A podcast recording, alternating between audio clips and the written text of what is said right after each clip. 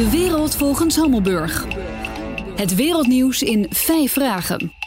Door de levering van het eerste F-35 gevechtsvliegtuig aan Nederland is de discussie of die JSF wel of niet atoombommen moet kunnen vervoeren en afwerpen opnieuw losgebarsten. De hoofdpunten in vijf vragen.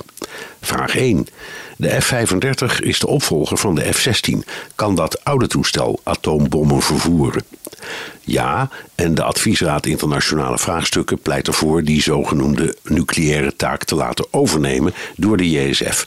Het kabinet kibbelt daar nog over. VVD en CDA zijn voor, D66 en ChristenUnie zijn tegen. In 2013 besloot het kabinet Rutte 2 het nieuwe toestel met ophangsysteem voor atoombommen te kopen. De Kamer nam toen een motie aan die zich daartegen verzette, maar begin 2014 besloot het kabinet die motie naast zich neer te leggen. Vraag 2.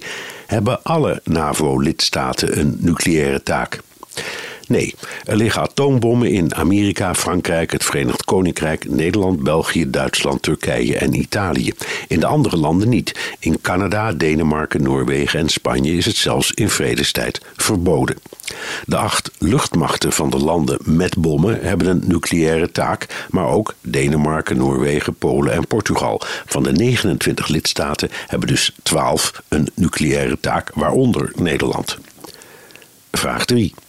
Is de retoriek van Trump niet een goede aanleiding voor Nederland om van die nucleaire taak af te zien? Dat zou zo zijn als hij alleen stond in zijn besluit het verdrag tegen middellange afstandswapens met Rusland op te zeggen. Maar dat voornemen had Obama ook al en de NAVO is het roerend met Trump eens. Rusland schendt dat verdrag met nieuwe raketsystemen. Of dat raketsysteem echt bestaat en werkt, weet ik niet, maar de NAVO-leden zijn ervan overtuigd. Vraag 4. Maakt Nederland zich met atoombommen op ons grondgebied en jachtvliegtuigen die ze kunnen afschieten extra kwetsbaar voor een aanval? Ik denk van wel, maar het is een erg theoretische vraag. Een atoomaanval op de landen om ons heen, België, Duitsland, Frankrijk, het Verenigd Koninkrijk, zou ook Nederland van de kaart vegen.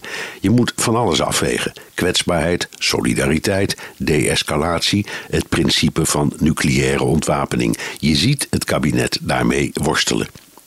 Vraag 5. Staat dit alles niet haaks op het non-proliferatieverdrag? Formeel niet, want dat verdrag gaat over de productie en verspreiding van kernwapens. Het gaat niet over het opslaan van atoombommen.